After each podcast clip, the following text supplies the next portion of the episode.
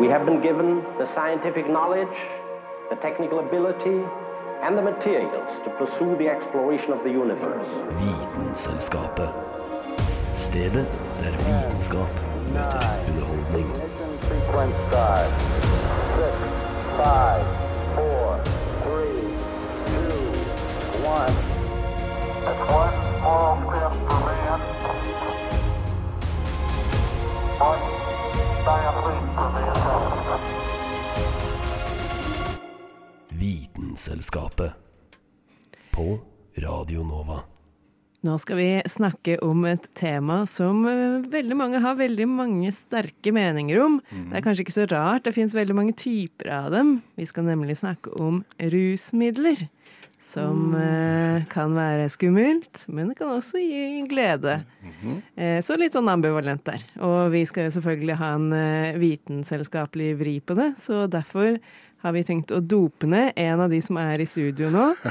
Eh, mer eller mindre frivillig. Rett og slett eh, gi han litt eh, drugs eh, og se hva reaksjonen er. Eh, selvfølgelig lovlig, da. mer eller mindre lovlig. Jeg tenker kanskje vi skal bare presentere de som er i studio her nå. Og da tenker vi de gjør det på en slik måte at dere sier navnet deres og beskriver ett stikkord som kan si noe om eh, hva dere skal snakke om i, i dag. Ett stikkord. Vi begynner her. Uh, ja, jeg heter Julianne Li Fjell. Uh, Ett stikkord. katt. Katt. Nice. nice. Mm, kryptisk. Jeg liker det. Jeg heter Karl Arnskva. Uh, et stikkord Uh, viljestyrke. Oi, enda mer kryptisk. Ok.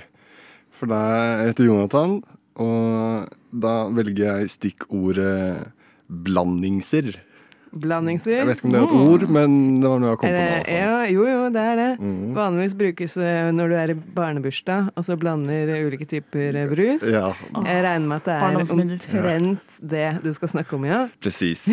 Hva med deg selv, da? Jo, jeg heter da Kristin Grydland, og jeg skal snakke om delfiner. Mm. Og du hører på Vitenselskapet.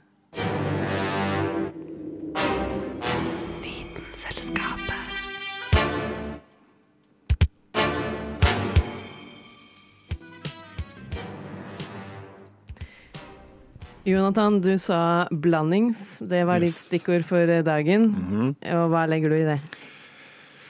Ok, Så det jeg eh, tenkte jeg skulle ta for meg, er hva som skjer eh, når man blander alkohol og ulike typer drugs, eller dop, som vi kaller det på godt norsk. Og jeg vil bare legge inn en liten disclaimer før vi begynner med det her, eller før jeg går inn i det.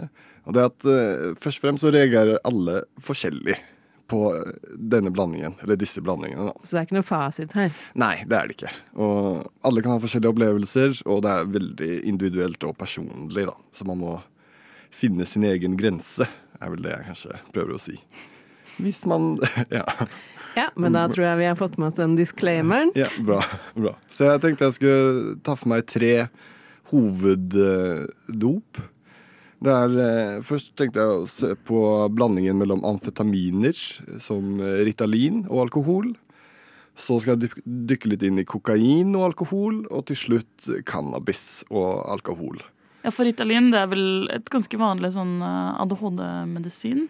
Yes. Så det er jo på en måte noe man potensielt kan gjøre lovlig da, hvis du har det på resept. Ja, og, og det er, jeg vet ikke hvor vanskelig det er å få tak i heller, hvis man har behov for det. Eller om det er en skikkelig prosess man må igjennom. Men uh, Det er vel å få en diagnose, da, og så få, Så ved få legemidlene som du Ja, Vi skal kanskje ikke spekulere i sånne ting, nei, men det eh, syns jeg ikke. Hva er effekten da, hvis du blander disse to? Ja, ok, Så vi begynner med amfetaminer øh, og alkohol. Og øh, amfetaminer er noe som går øh, og på sentralnervesystemet. Som hjernen og ryggmargen og sånn, som sender ut signaler til resten av kroppen. Alkoholer er litt med en sånn beroligende type dop. Sånn at hjerte... Hva skal vi si? Hjertepulsen, eller altså hjerte... Kaller man det? Hjerte- Hjerteslagene eller hjerterytmen? Ja. ja, hjerterytmen er enda bedre ord. Det går ned, blodtrykket går ned. Mens amfetamin er helt motsatte effekten. Det, da øker hjerterytmen, og blodtrykket øker også. Betyr det at de vil nulle seg ut, eller blir det eh, altså, sånn at det blir begge deler på en gang? Det er akkurat det at for, når jeg tenkte på det her for første gang, tenkte jeg ok, men det her nuller seg ut. Da går det opp i opp. Men uh, greia er litt mer komplisert enn sånn så, og det er at da går uh, Da har begge effektene eh, en påkjenning på hjertet. Sånn at det blir både roligere og det blir, det blir trukket i den roligere retningen, og så blir det trukket i den mer økende retningen. Og da vil det heller være at hjerterytmen kan falle ut av balanse, og det blir sånn uregelmessig hjerterytme. Som kan være litt eh, Det er skummelt. Ja, kan være litt problematisk, da. Og, ja, men det jeg har funnet ut er det største problemet. For det er, ikke, det er litt mer hvis du har problemer med hjertet. Da er det her farlig. Men det mer største problemet eh, er at du merker ikke helt hvor mye du drikker. At du, du blir litt eh, Du kjenner ikke helt den effekten av alkoholen, og så ender du opp med å drikke for mye, da. Men det tenker jeg eh, gjerne kan være problemet med sånn selv, selv hvis du ikke tar noe annet ved siden av, eh, så kan det fort gjort det at man drikker for mye uten at man tenker over det. Men det er også litt sånn Red Bull-vodka-effekten, føler jeg òg. Det blir kanskje ikke like sterkt, så klart, fordi Red Bull er ikke helt det samme som Ritalin, men, uh, Ja, men koffein er hell of a drug. Ja. Ja, ikke sant? Ja, akkurat eh, Man kan sammenligne disse to, syns jeg, ganske bra. Men neste blandingsen, da, er det litt bedre? Ja, altså på en måte, ja, men på en annen måte også nei. Det er kokainen. Og det er, det er litt likt som amfetaminen i effektene du føler, og det der med at du ikke helt merker hvor mye du drikker. Men eh, en eh, ting som skjer med kokain, er at eh, når du blander kokain og alkohol, så gjør leveren om eh, dette Det gjør et eget stoff som kalles kokaetylen. Kokaetylen heter det. Vanskelig å si. Og det er, eh, det er egentlig liksom litt samme effekter som kokain, men det har dobbelt så lang sånn halveringstid. da. Så kroppen lager, tar disse to tingene, kokain og alkohol, og lager sitt eget eh, narkotika? Ja, rett og slett. Og, så, så du får Det er vanskelig å få det her til å høres dumt ut, men du får en lengre effekt da, av kokain enn det, det du ville gjort hvis du bare tok kokain og ikke blanda det med alkohol. Du får kanskje dobbelt så mange bivirkninger også, da? Vi kan si ja. Vi kan si ja. Men det siste, som jeg syns var mest interessant, var eh, cannabis og alkohol. Og her er det i en enda større variasjon fra person til person. Um, fordi det er eh, ja, veldig varierende hva man opplever av eh, angst og litt sånn stress. Og cannabis er en veldig sånn Hva skal man si En inhibitor for de tingene, da. At eh, det er veldig lett å overtenke og ja. Men uh, greia er at eh, alkohol heller heller intensifiserer effekten av cannabis. Blir, du blir altså mer høy av, eh, av Hvis du har drukket først, og så tar eh, litt cannabis, da blir du altså mer høy enn det du hadde blitt eh, hvis du bare røyka cannabis. Og det er noen spesielle grunner til det her. Det er eh, alkoholen. Eh, når du drikker den, så eh, slapper musklene rundt blodårene dine av. Sånn at blodårene utvider seg litt. Og når du da, si du eh, røyker den cannabisen her, går inn i lungene dine, og det er et sted hvor eh, lungene og eh, blodårene krysser, som heter al alveoler. Og da går det altså inn nesten dobbelt så mye THC inn i blodet når du har drukket alkohol, enn når du, hvis du bare har røyka. Eller ja, røyka cannabis, da. Så det, altså, du får altså dobbelt så høyt eh, THC-inntak, da. Av eh, Som er Jeg glemte å si. THC er virkestoffet i cannabis. Det er eh, det som gjør deg høy. Og det blir gjort et par eksperimenter på det her, og det var, det var virkelig stor, stor effekt for det hvis du, hvis du drikker først. Det skal bare så lite til som to shots. Da får du dobbelt, dobbelt effekten. Wow. Mm. Yes, tydeligvis så øh, kan alkohol fungere som en forterker på godt og vondt øh, når, det kommer til å blande ulike typer narkotika. Eh, nest, nå skal vi høre fra en person, eller en, ja, en person, eh, som vi kanskje ikke har representert eh, ennå.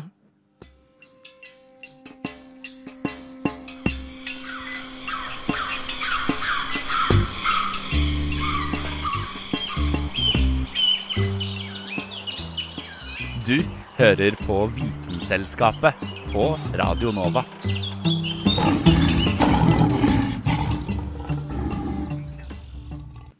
Nå skal vi nemlig hilse på Kasper.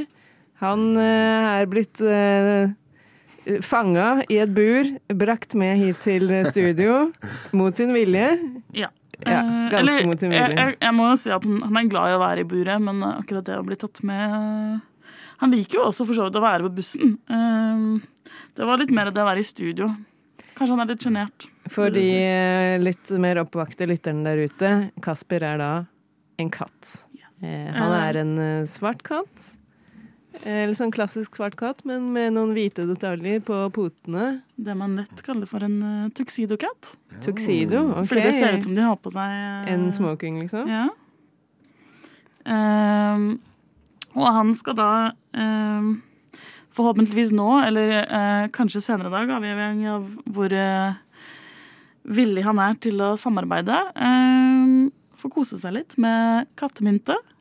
Kattemynte, det er jo, som eh, alle katteeiere vet, eh, selve kattedopet nummer én.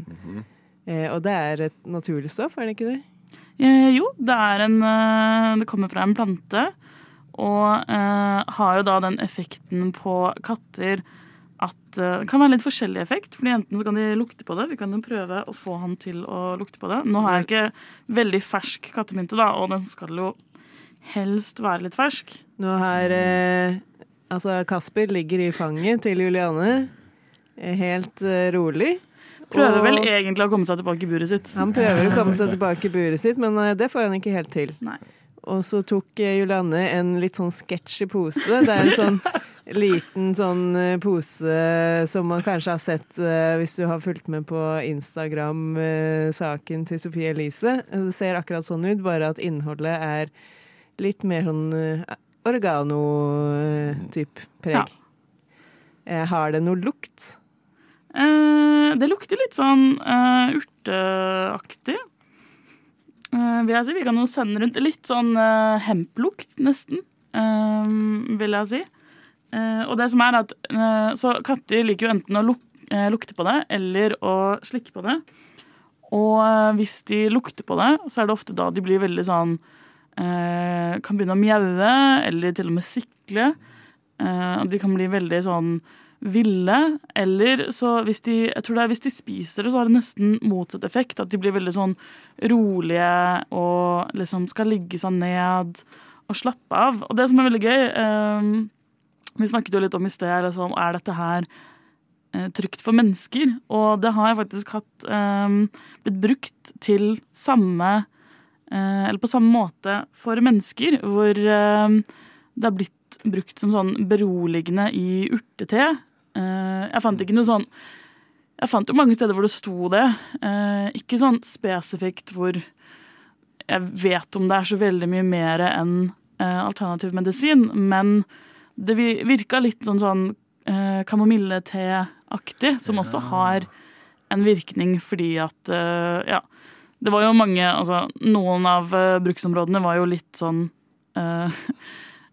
out there, men akkurat det at du blir mer beroliget da, hvis du skal lage det til en te eller et eller annet sånt, er jo ganske lignende måten det funker på katter, da, eh, med at det binder seg til eh, reseptorer i hjernen, og forskjellen da på eh, om de spiser det eller lukter det, er jo hvordan de får det inn. Fordi hvis de lukter det, så går det gjennom nesa og går til en annen del av hjernen, som da har å gjøre med hvordan de eh, styre følelser og eh, ja, den type ting.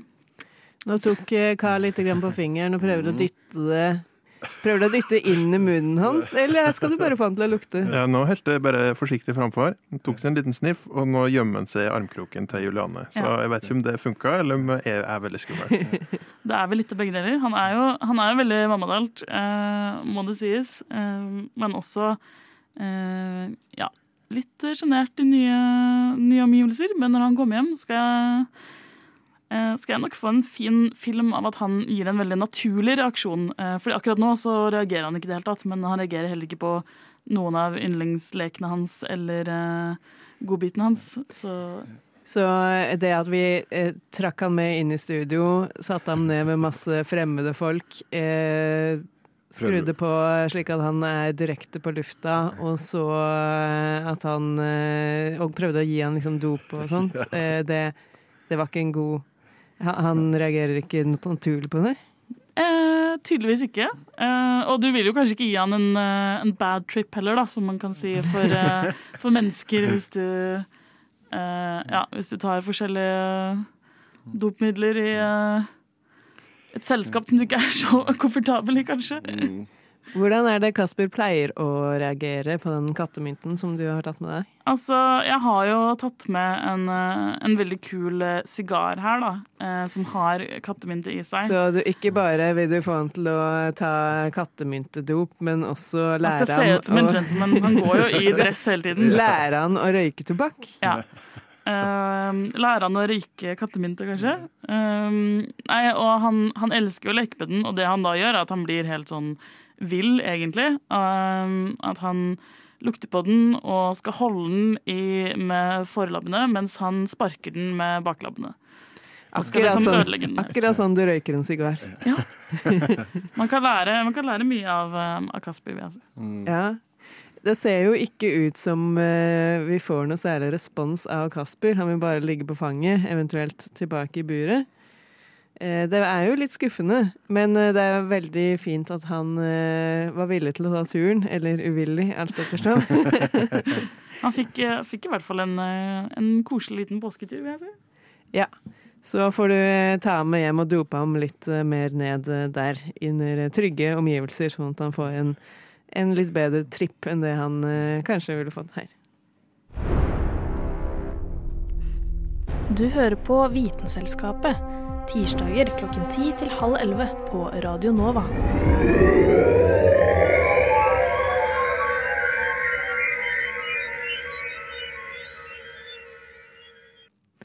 Tekster fra Mesopotamia refererer til opiumsvalmuen som en gledesplante.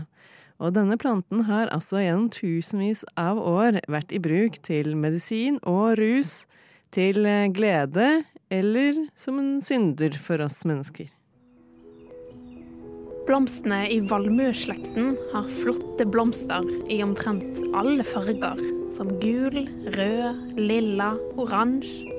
Som blomster ser de flotte og fargerike ut, og setter virkelig et vårlig preg på en eng. Det er helt klart én type art som stikker seg ut her. Den er nok både fryktet og elsket, da den inneholder en rekke stoffer som helt klart har satt preg på menneskeheten. Opiumsvalmuen. Som navnet tilsier, blir denne planten brukt til produksjon av opium, som er den melkehvite plantesaften som siver ut når man skjærer i den. Denne plantesaften inneholder en haug med såkalte alkaloider, som egentlig bare er en samlebetegnelse på visse stoffer som finnes naturlig i naturen. Men som du sikkert allerede vet, grunnen for at denne opiumsvalmuen er såpass kjent, er jo at noen av disse alkaloidene er sterke smertestillende og gir en rusfølelse. Nemlig morfin og heroin. Stoffer som er fremstilt av opium, kalles for opiater, og mange av de er svært avhengighetsdannende. Grunnen for at du får en smertelindring av morfin og heroin, er at disse stoffene passer perfekt i noen mottakersystemer i hjernen vår, kalt opioidreseptorer. Når disse blir aktivert, får man en følelse av eufori og smertelindring. Normalt er det endorfin som aktiverer disse. Man kan si at dette er hjernens eget narkotikum. Endorfiner blir frigjort når du utsettes for stress eller smerte, og kommer nettopp til utsetning for at du skal holde ut litt mer. Det er derfor noen kan få en slags rus under trening og følelse av velbehag når du er ferdig. Dopamin vil også skilles ut, og du får en følelse av lykke. Og du får belønning for strevet og motivasjon til å gjøre det igjen. Forskjellen mellom endorfin og narkotika som går på de samme reseptorene, er at morfinet ikke blir nedbrutt etter at de har bundet seg til mottakercellen. Det forblir på reseptoren og aktiverer den igjen og igjen. Når dette skjer, prøver hjernen å normalisere situasjonen, og vil da fjerne mange reseptorer, sånn at det blir færre av de. Som et resultat av dette må man stadig øke dosen av heroin eller morfin for å få samme effekt av eufori og smertelindring. Når man da har et redusert antall av disse reseptorene i hjernen, vil man heller ikke ha like god effekt av den naturlige euforien man kan få av endorfin, og man får heller ikke den samme følelsen av belønning etter trening. Denne kunnskapen om hvordan stoffene fra opium virker på oss mennesker, er relativt ny i forhold til hvilken fartstid det har hatt i historien. Da morfin først ble isolert i 1805, ble det lansert som en supermedisin. Og da heroin kom for ca. 100 år senere, ble det først brukt til å avvenne de som var avhengig av morfin. Lite visste man da at heroin er omtrent like avhengighetsskapende. På begynnelsen av 1900-tallet ble heroin altså markedsført som en trygg erstatning for morfin i USA. Og det ble brukt til nesten alt. Alkoholabstinenser, depresjon, kreft, hoste, tuberkulose og alderdomsproblemer. Farene med det ble kartlagt for seint, og siden da har heroin vært godt etablert på gatemarkedet. Den saken ble laget av Anna Vik Rødseth.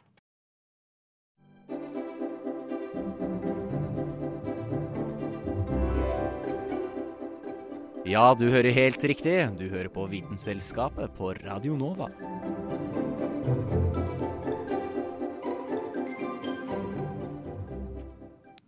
Vi skal videre i dyrenes verden, men denne gangen til dyr som lever under vann, nemlig delfiner.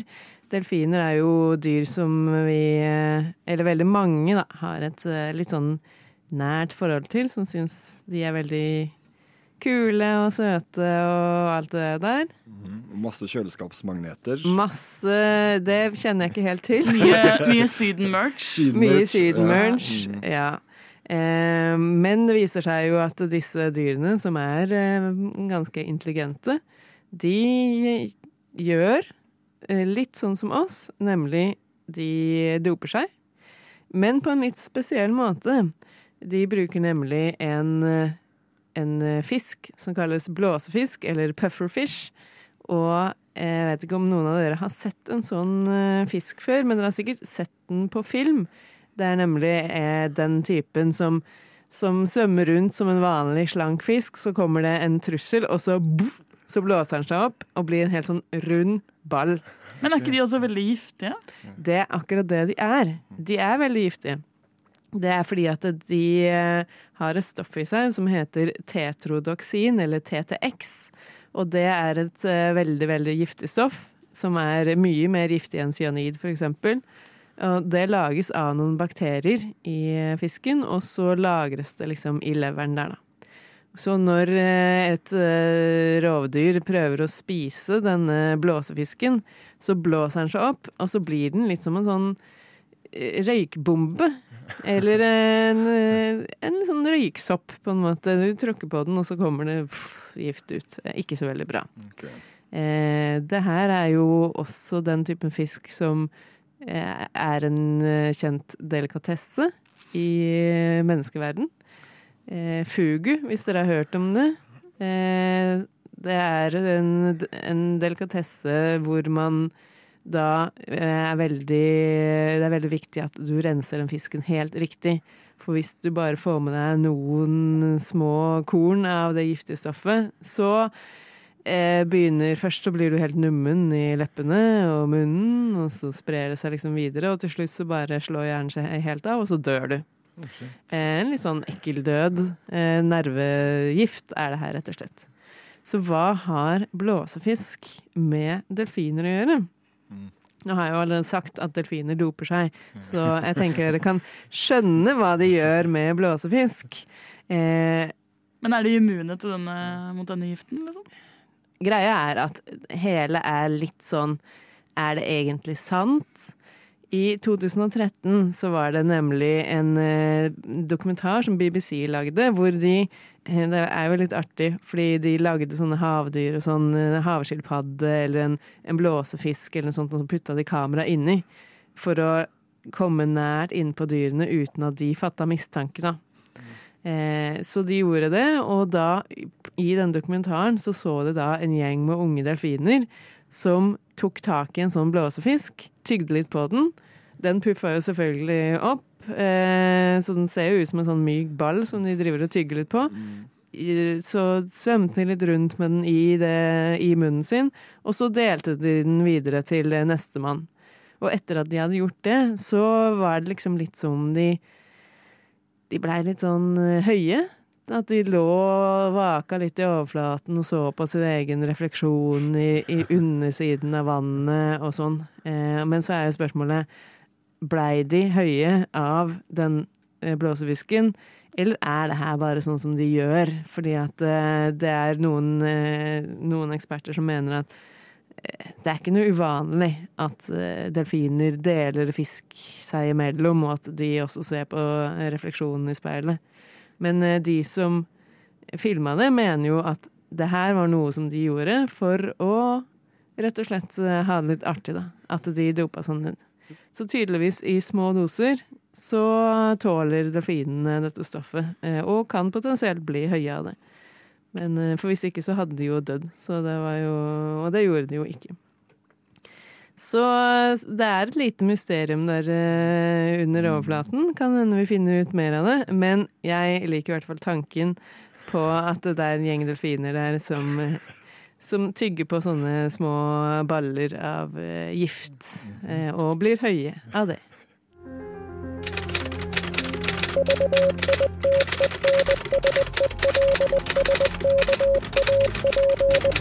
Just want to tell you both good luck. We're all counting on you. И пусть посмеются над своими страстями.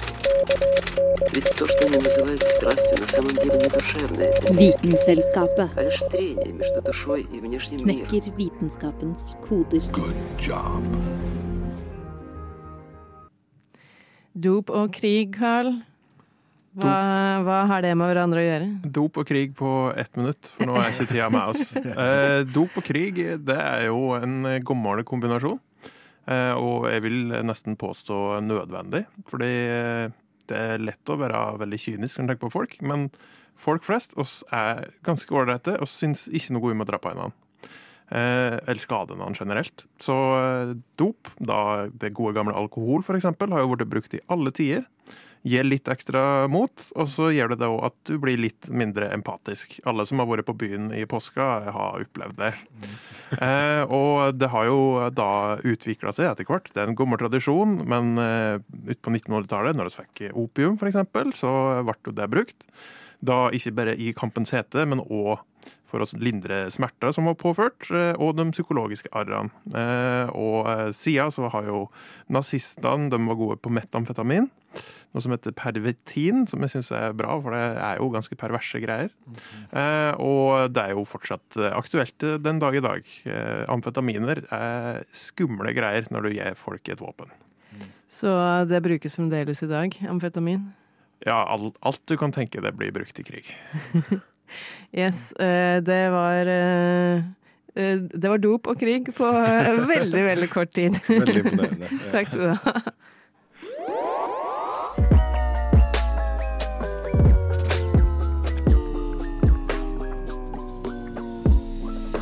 Vitenselskapet. Det var som dere skjønte alt vi rakk eh, her. Eh, Med meg i studio så har jeg hatt Jon Jonathan Malberg, eh, jeg har hatt eh, Karl Allenskvam, Julianne Lifjell, og en spesiell takk til Kasper. Katten, har han noe etternavn, eller Julianne? Eh, nei. Nei. Kasper, akkurat som kongen, ikke noe etternavn. Mitt navn er eh, Kristin Grydland, og du har hørt på Vitenselskapet.